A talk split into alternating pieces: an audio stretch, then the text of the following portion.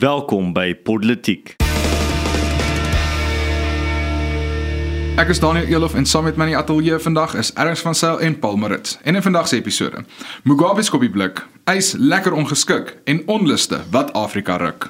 Nou ja, ons het uh, onlangs verneem dat die uh, lankdienende berigte en ek weet nie of mense die woord beroemde leier van Zimbabwe, uh, Robert Mugabe onlangs oorlede is. Uh, Daniel was bietjie gemengde gevoelens oor oor oor Mugabe en sy lewe en mm. die feit dat hy oorlede is. Ja, mag hy rus inflasie.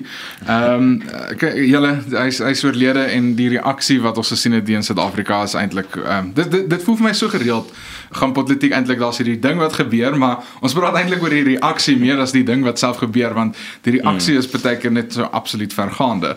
Ehm um, natuurlik weet ek dink meeste van ons luisteraars dat uh, die voormalige Zimbabwese president Robert Mugabe is hierdie afgelope week oorlede en ons het toe nou natuurlik gesien dat uh, die, die mense wat ons van verwag het toe nou hulde gebring aan hom dit is byvoorbeeld die EFF die ANC maar dan sou mense wat ons nie noodwendig gedink het veronderstel is om hulde te bring aan 'n uh, absolute tirannie en dit soos byvoorbeeld 'n party soos die DA.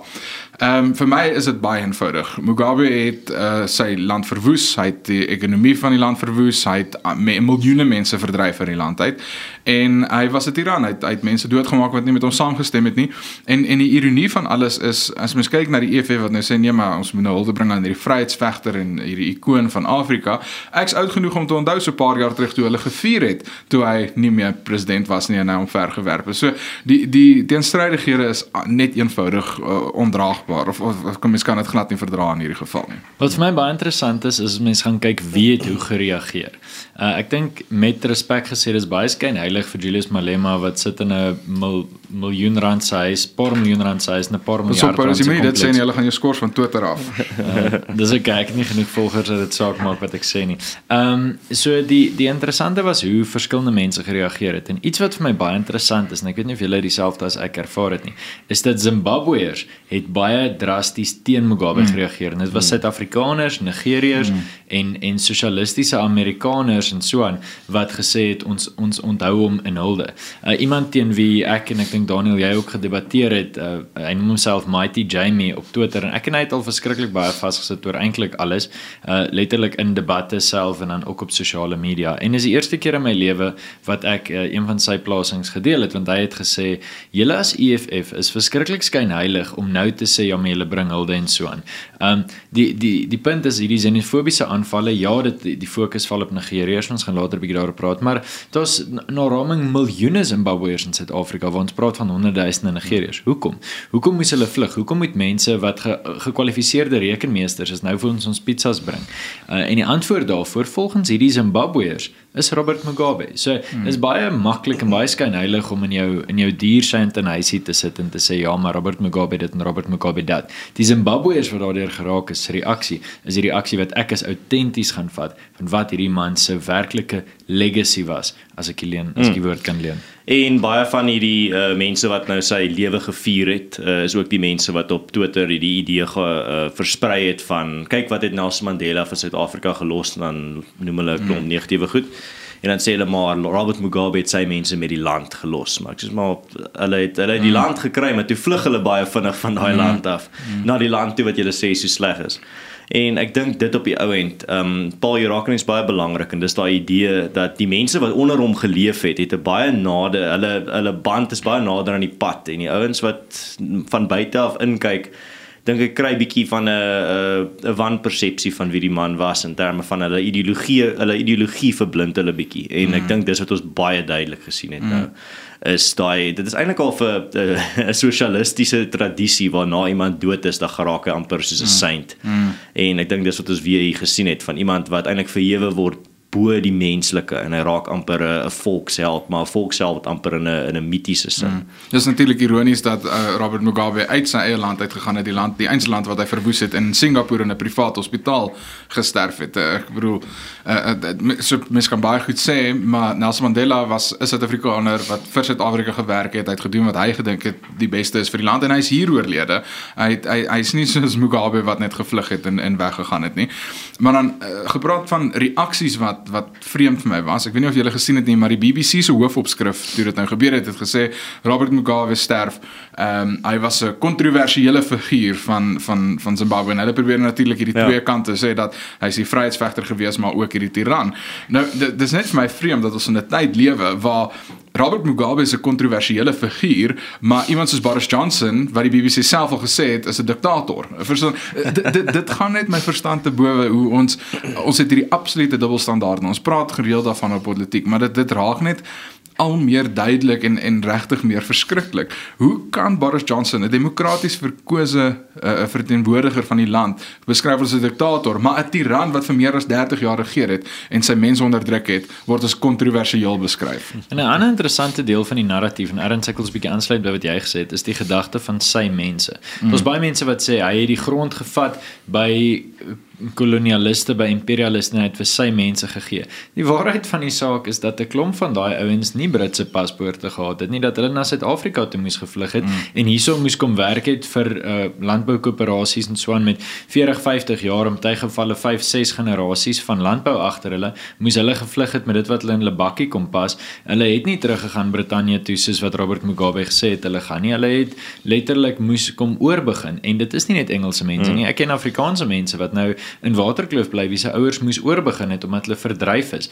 En die die interessante punt is om te sê hy het die grond weggevat by mense wat nie sy mense was nie en gegee vir mense wat sy mense uh, was. Dis 'n baie interessante narratief waarop ons moet let want dan gaan jy dan jy letterlik die binêre maatstaf. Is jy wit, jy is nie 'n Af, Afrikaan nie. Is jy swart, jy is 'n Afrikaan. En dit dis absoluut 'n skynheilige manier om te kyk na dit.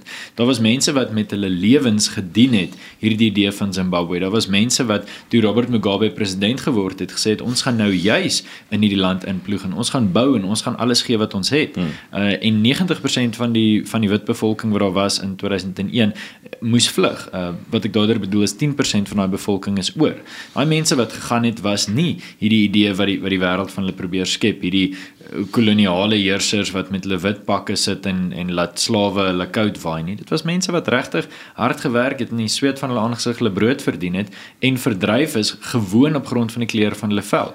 Uh dit dis 'n deel van die gesprek wat nog nie na my sin genoeg gevoer is nie. Hulle was ook sy mense. Hy het nie net sy mense bevoordeel nie, hy het ook sy mense verdryf en toe in alle spektrums sy mense verhonger. Nou ja, dis my laaste gedagte op daai. Ek wil 'n laaste ding oor hierdie mite dat Zimbabwe suksesvolle grondonteiening toegepas en en suksesvolle grondhervorming toegepas van die grond ek kan nou nie presies die statistiek voor my kry nie maar ek sal sorg dat ek dit hierdie week weer tweet want ek het dit so ruk terug gesê maar van die grond wat deur Zimbabwe onteien is, deur die Zimbabwese regering onteien is, is minder as 5% het dit ge het gegaan aan die eintlike behoeftige mense in Zimbabwe. 95% van die grond wat onteien is deur die regering het gegaan aan regeringsamptenare of weermag offisiere. Met ander woorde het gegaan aan die einste mense wat reeds in mag is wat nie daai grond nodig het nie, wat nie voordeel trek hier uit nie. So ons kan praat van transformasie, ons kan praat van verstaan uh, uh jy weet ons ons herstel die ongeregtighede van die verlede, maar die punt is dis waarop dit afstuur en dieselfde gaan in Suid-Afrika gebeur. Kom ons wees met mekaar dood eerlik. Die EFF wil nie die grond of die ANC en die EFF wil nie die die grond in die hande van die regering of die staat sit sodat hulle dit vir die mense kan gee nie. Nee nee nee.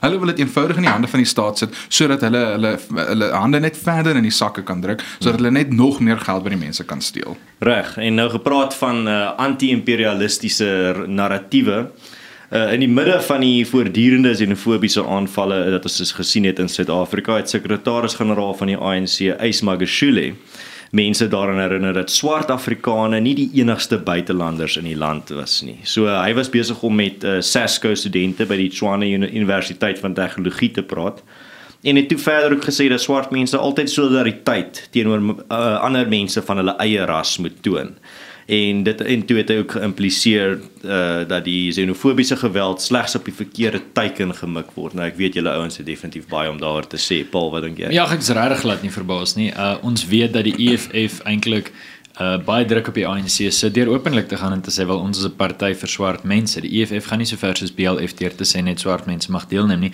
maar hulle sê wit mense wat aansluit by die EFF moet weet die wit mense se se vakansie is verby en so. Uh en dit het 'n groot deel van die ANC se stem se kiesbasis veral wil ek sê aan die weste kant van Lesotho, so onder jou Sothos en onder jou Tswanas weggevat.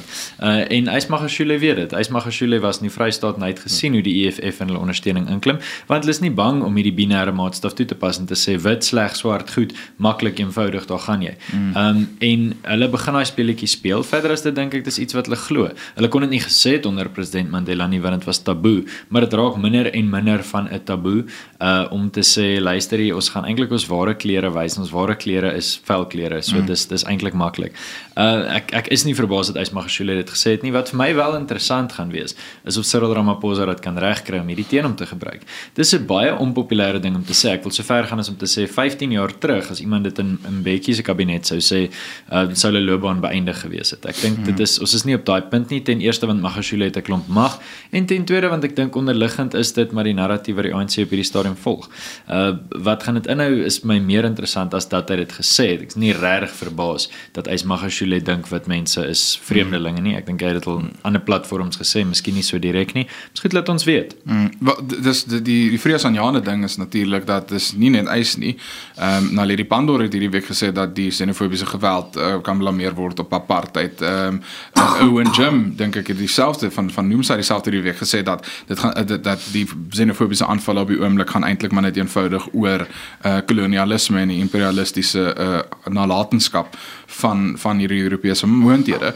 Die die die, die rasnasionalisme in Suid-Afrika begin regtig kommerwekkende vlakke bereik en en dis dis regtig regtig vreesaanjaend. Ons ons moet baie eerlik daarmee wees want dit is die goed wat ons gesien het uh, van die grootste menseregte skendings in die geskiedenis van van ons wêreld het begin met hierdie. Hierdie is daai klein vlammetjies wat op die ouende 'n ongelooflike groot vuur gaan veroorsaak. Ja, uh, ek het nogal 'n uh, hele paar invalshoeke om hier te vat. Ek sal graag julle opinie daaroor wil hoor en dit is die idee van ek het daar gepraat, daar gepraat op Twitter van hierdie lees vir my soos uh, mit om 'n mite te smee. Ehm um, daar is nou hierdie mite in Suid-Afrika dat Suid-Afrika was hierdie paradys op aarde en toe kom Jan van Riebeeck en sodra sy stewel aan die tafel baie sand geraak het, toe ewe skielik toe toe raak mm. Suid-Afrika gedompel in 'n wêreld van net wrede boosheid. Mm.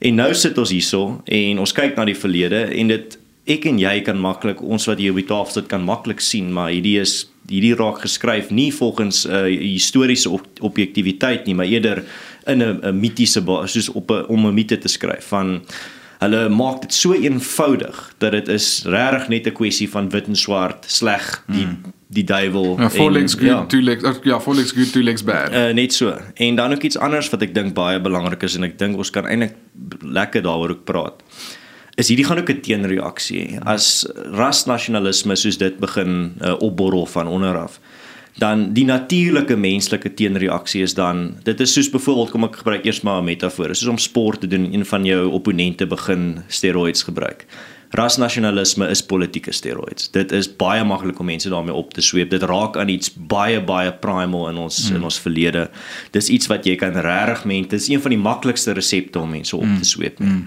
en wat op die ou en dan gaan gebeur is wit Suid-Afrikaners gaan na hierdie soort retoriek kyk en hulle gaan sê maar as dit is wat ons opponente sê hoe kan ons nie dan self volgens daai reëls begin speel nie? Maar dan miskien wil ek net afsluit om te sê daar's 'n reël hoekom uh, daar's 'n rede hoekom daar in rugby 'n reël is teen hoogvat want op die ou end dit is miskien 'n goeie manier om jou opponent uit die veld uit te te kry maar op die ou end hmm. eindig jy op met 'n klomp mense wat beseer en verlam is en ek dink dis waar ons op die ou end sit. Ja, dis dis anders ek ek dink daai metafoor van jou beskryf het so verskriklik mooi en en die probleem met hierdie rasnasionalisme is dit word eenvoudig gebruik as 'n verskoning vir alles. En dis presies wat ons nou hierdie week gesien het met die onluste wat die xenofobiese onluste in Suid-Afrika wat vlam gevat het is almal blameer dit op iemand anders. Almal blameer dit op ons koloniale nalatenskap op apartheid op wit mense. In plaas van dat ons net sê luister julle hier's 'n ernstige probleem kom ons bespreek die ware oorsaak daarvan. Hmm. ons wil nie die ware oorsaak daarvan aanspreek nie want die probleem is sodra die ANC die ware oorspraak ag oorsprong daarvan oorsaak daarvan gaan aanspreek gaan hulle besef hulle is die oorsaak daarvan Hmm. Ja, en ek dink dit dit bring ons eintlik baie lekker by die volgende onderwerp en dis juist die die idee van die breër Afrika. Nou vir jou as politiek luisteraar sal sien dat al drie ons onderwerpe vandag eintlik in 'n groot mate met mekaar te doen het. Uh juis omdat die hele idee van pan-afrikanisme nou kop uitsteek. Dit was Robert hmm. een van Robert Mugabe se se groot gedagtes, uh, iets wat Cyril Ramaphosa al openlik ondersteun het. Ehm um, dit eintlik deur Ysmagashule se woorde sien mense dit ook in en kom ons kyk 'n bietjie breër wat die impak is in ander Afrika lande en ek sal dit graag as onderwerp wil neem. Net voor voordat ek wegspring. Goed so. Ehm um, kom ons doen net 'n bietjie uh, statistiek. Volgens die Nigeriese regering is daar meer as 100 000 Nigeriërs wat tans in Suid-Afrika woonagtig is. Dis baie moeilik om te bepaal want uh, natuurlik weet ons dat Suid-Afrika se grense eintlik redelik oop is na die res van Afrika toe en dat ons nie verskriklik baie moet doen om mense uit te hou nie. Ehm um, ondanks Herman Mashaba wat vra dat daar 'n bietjie meer moeite gedoen word. Nou ja, verlede week is daar 600 Nigeriërs deur hulle eie regering teruggeneem na Nigerië toe. Uh en uh, dit het maar net gegaan oor oor veiligheid. 'n uh, Interessante ding en hulle sê selfs 'n gebreekte klok is twee keer 'n dag reg. Julius Malema het mm. het 'n baie baie mooi opmerking gemaak. Toe sê hy, "Julle is nou besig om Nigeriërs weg te jaag." En dan besluit julle, "Nee, hierdie Zulus, hulle hoort in Natal, hulle hoort nie in Pretoria nie." Of hierdie Shangans, wat soek hulle hierso? Uh wat doen hulle met ons werke? En dis 'n baie interessante punt. Natuurlik hy hy haal 'n klomp mense aan. Uh daar's natuurlik 'n klomp mense wat dieselfde gesê het uh van die manier hoe die nasies te werk gegaan het. Aanvanklik was dit 'n spesifieke groep en toe sit enigiemand wat van jou verskil uh en later ja, ruk dit net heeltemal hand uit. Nou op hierdie stadium verlede week het ons vir gesê dat daar 5 mense oorlede is. Becky Cele, die minister van polisie, sê vir ons dat daar reeds 12 mense oorlede is in hierdie skirmitselinge. Interessant as ons 'n bietjie na die ander kant van die kontinent toe kyk, die regerende party in Nigerië, die All Progressives Congress, die APC, uh het gesê dat wel hoe hulle gaan reageer is hulle gaan die aandele van MTN in Nigerië wat in Suid-Afrikaners behoort gaan hulle nou nasionaliseer. So hulle is besig om uh kan ek sê meer antagonisties op te tree teenoor Suid-Afrikaanse maatskappye en dan het MTN ook vir ons laat weet dat verskeie van hulle takke nou in Nigerië hmm. gesluit is want Nigerië het begin om MTN winkels aan te val. So ek weet nie um natuurlik vir vir die vir die man op straat in, in Pretoria se middestad, hy gee nie regtig om wat met MTN se aandele gebeur nie.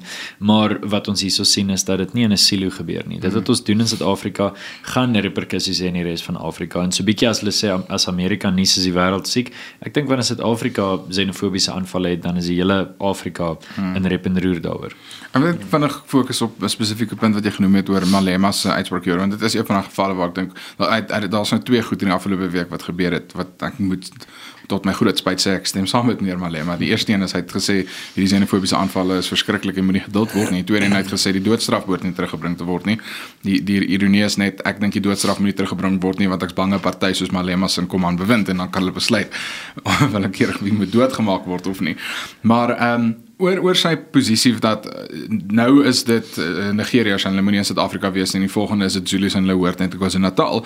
My my probleem met wat Malema sê is hy gaan nie tot die logiese gevolgtrekking van dit wat hy presies sê nie. En en dis juist die ding en ek dink dis wat ons almal altyd sê, dit dit gaan nie oor hierdie eienskappe van jou. Dit gaan nie oor of jy 'n Zulu of 'n Nigeriër is nie. As ons plaas van dat ons mense hanteer vir dit wat hulle as 'n individu is, hanteer ons hulle nou verstaan as hierdie groot homogene groep en hulle is almal mm. eenvoudig net sleg of goed. En en en Malema doen presies dieselfde. So jy sit hom reg, Paul. Op die oomblik is dit nou Nigeriërs, volgende is dit Zulus. Die EFF is skuldig hieraan.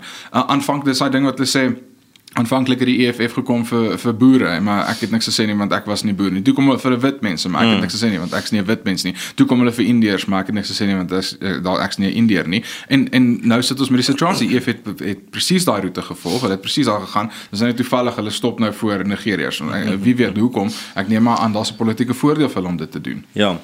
Uh nee, ek dink jy raak aan iets baie belangrik daarin. Dit is die feit dat net soos met die die ou Suid-Afrikaanse vlag, gaan dit nie stop by die by die een ding nie. Dit beweeg altyd aan en gebruik iemand gebruik dit as 'n as 'n geleentheid om eintlik verder te onderdruk. Maar ek dink wat ons hierso sien is eintlik wel eerstens, ehm um, hierdie xenofobiese aanvalle lyk like my uh pas baie mooi in by die patroon van Suid-Afrikaanse ekonomiese groei. Ek bedoel 2008 was die was nie die laaste keer nie, maar dit was toe as die die laaste keer waar daar regtig groot xenofobiese aanvalle was. Ek dink 2015 was die ander jaar.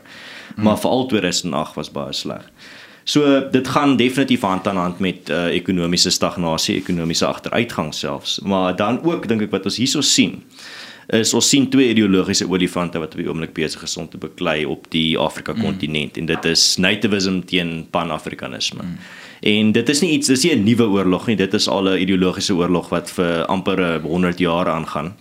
En dit is die idee van gaan Afrika saam staan as een amper half 'n uh, eh, groep mense, een land, 'n uh, een uh, blok van lande wat saam staan weens hulle afrikanisme of gaan Afrika eerder uh federaliseer en elke klein landjie doen uh, kyk na sy eie mense uh, amper half 'n Trumpian uh benadering tot dit. En op die oomblik in Suid-Afrika en ek dink dis waar die groot vraag inkom is wat se kant gaan Cyril kies? Ehm um, ons het nou van Cyril twee verskillende narratiewe oor die jare gesien. Ehm um, ek dink vroeër die jaar net voor die verkiesing het hy gepraat van ehm um, die daar is een of ander daar's 'n sekere sin van logika in die aanvalle dat dat daar is uh, buitelanders wat besig is om amok te maak en dit was sy sy wat hy aangedui het. Maar dan ander kere praat hy weer van die die die panafrikanistiese benadering waar hy praat van maar nou moet Afrika saam staan en nou moet ons um, as een kontinent besluit te neem. So ek dink op die ou end uh, wat gaan bepaal wat uh, waartoe hierdie xenofobiese aanvalle gaan lei is wat se pad die ANC gaan kies, gaan hulle nativism of pan-afrikanisme kies en ek dink dit is so dis 'n bietjie 'n moeilike debat vir hulle om self te besluit uh, intern uh, wat se pad hulle gaan vat, mm. want dit is definitief nie net 'n uh, 'n uh, geval waar almal saamstem oor dit is definitief die pad wat ons gaan vorentoe vat. Nie. Nou ja, voordat ons by internasionale nuus kom net 'n laaste woord vir my of ek dink uh dis dis definitief so dat die ideologiese debat is daar, maar ek dink die ideologiese debat sou baie minder nodig gewees het as die ANC net sy eie soewereine grense kon onderhou. Um en soveel as wat ek dink, jy weet, vrye handel en as iemand 'n vaardigheid het wat in Suid-Afrika wil kom wil kom lewer en as hy 'n produk het om te verkoop natuurlik. Um maar kom ons doen dit op 'n wettige manier en ek dink as die ANC dit net kon regkry, sou ons met aansienlik minder van hierdie probleme gesit het. So so vir my dink ek voordat ons by die ideologie kom moet hulle net hulle werk begin doen. Nou ja, um, ons kyk 'n bietjie na internasionale nuus en soos wat tot gewoonte geraak het natuurlik te verstaan. Nou praat ons weer 'n bietjie oor die Verenigde Koninkryke. Ehm um, en Daniel wat wat presies aan die ja, gang? Ja, dis dis natuurlik Brexit is so deurlopende tema dink ek vir die afgelope paar maande in politiek gewees want dit is groot internasionale nuus. Die uh, ons het nou hierdie week gesien dat die speaker van uh, die House of Commons, die wetgewer in Brittanje, het bes gesê dat hy gaan uh, of teen die einde van Oktober uh, uh, bedank of wanneer indien daar verkiesings gehou sou word na die verkiesing, na die afloop van die verkiesing. Nou hierdie is 'n groot uh, gebeurtenis eintlik maar in die politiek in die Verenigde Koninkryk en die rede vir dit is Burger was vir 10 jaar uh, die speaker van van die Commons gewees. En hy was aanvanklik hy's 'n Tory hy's verkies uit vanaf die Tory kant van die huis. Ehm um, maar hy het, hy het redelik dit redelik duidelik begin word dat hy maar anti-Brexit eh, ehm uh, um, hy het anti-Brexit sienings en is problematies oor die aard van die saak van die spreker moet redelik neutraal bly. En dit kom nou uh, na aanleiding van 'n hele paar presidente. Kyk die wetgewer in Brittanje werk maar baie sterk op tradisie en gewoontes en gebruik. Hmm. en daar's maar 'n paar gebruike wat uh, kom ons maar dood eerlik wees gebuig is deur Burkrow uh om die anti-Brexit kant van die huis te probeer ondersteun en te help want hulle is baie ontstel met Boris Johnson wat nou uh, die breek vir parlement vroeër en langer gemaak het sodat daar minder geleentheid is vir hulle om uh, Brexit op die ouene te debatteer. Die die probleem kom net in, dis dis baie eenvoudig. Brittanje het klaar gestem. Die, die besluit is geneem en ons sit nou al wat omtrent 3 jaar later en Brexit het nog steeds nie gebeur nie en en en Boris Johnson as eerste minister het dit eenvoudig besluit wel tot hier toe en nie verder nie. Ons gaan nou die besluit neem, dit gaan nou gebeur. Uh, ons moet die wense van die mense op die ouene nakom. Ja, en ek dink dit is 'n baie gevaarlike speletjie wat die die Britse regering eintlik speel want op die ou end as hulle nie uh Brexit bring nie, gaan dit op die ou end lei na dat die Britse populasie gaan net maar wat is die punt van 'n referendum? Mm. Wat is die punt van demokrasie as dit nie geëer word nie? Wat wat is die volgende referendum wat kom wat ook al dit nou oor gaan mm. wees? Wat is die punt? Hoekom moet ek mm. deelneem as die die politici op die ou end maar gaan besluit maar ag wat ek hou nie van die mense mm. se keuse nie. Ek dink is 'n baie gevaarlike mm. speletjie en ek dink Baris is reg in terme van die mense het gestem en as ons enigsins die die integriteit van ons demokrasie mm. wil preserveer, dan gaan ons moet deurgaan met die mm. besluit. Nee, absoluut. Uh kom ons sluit dan hierdie episode af met bietjie 'n uh, lekker snaakse storie wat hierdie afgelope week plaasgevind het. Dit is aan die een kant uh, snaaks en aan die ander kant ook tragies. Maar uh, Gwedi Matash wat uh, natuurlik 'n lid van die ANC is, ook 'n kabinetslid uh, is, het hierdie afgelope week vir 'n tweede keer die fopnuus versprei dat Suid-Afrika 'n wonderlike nuwe mineraal ontdek, Hazenile, en hy het dit gesê by internasionale die Smart Energy internasionale konferensie en hy het basies gesê dat hierdie gaan nou absoluut die stoorkrag van batterye uh revolusionaliseer. Dit is hierdie absolute wondermiddel. En uh dit, dit is redelik snaaks want ehm um, toe mense vir hom reg uitgewys dat hierdie Hazenile ehm um, die, die dis dis maar op die ou net fopnuus is 'n artikel wat geskryf is op 1 April deur 'n uh, uh, uh, webtuiste en hulle het baie duidelik onder gesê hoor jy luister hierdie is maar net 'n uh, April Fools grappie moet dit nie ernstig opneem nie maar lyk like my dat Gwedi of sy navorsers kan dit nie tot die einde van die artikel lees nie Ja, ek dink dit wys eintlik vir my die hoe min sy navorsers regtig omgee oor om hulle feite te check. En ja, dit klink regtig vir my na soos jy eintlik uh gesê het in in privaat die idee van dit klink vir my soos 'n uh, die vibranium van van mm. die Black Panther uh universe. En die feit dat iemand in sy posisie nie eens regtig so iets kan optel, iets soos jy sê wat 'n groot etiket op het, hierdie is 'n grap. Mm. Ehm um, dit is vir my nogal skokkend, maar skokkend snaaks ook op dieselfde mm. tyd. Nou ja, soos die winter is hierdie episode ook vir eers verby. Ons nooi jou as luisteraar uit om self bietjie te nonsens die gesprek gerus voort in die kommentaarafdeling van watter ook al platform jy gebruik. Uh jy kan ons ook gerus ondersteun op Patreon as jy hou van wat ons doen. Dit gaan natuurlik makliker maak om om 'n klomp nuwe projekkies en produkte na jou toe te bring. Uh en ja, jy is welkom om ons resensie te los met jou klagtes en gedagtes.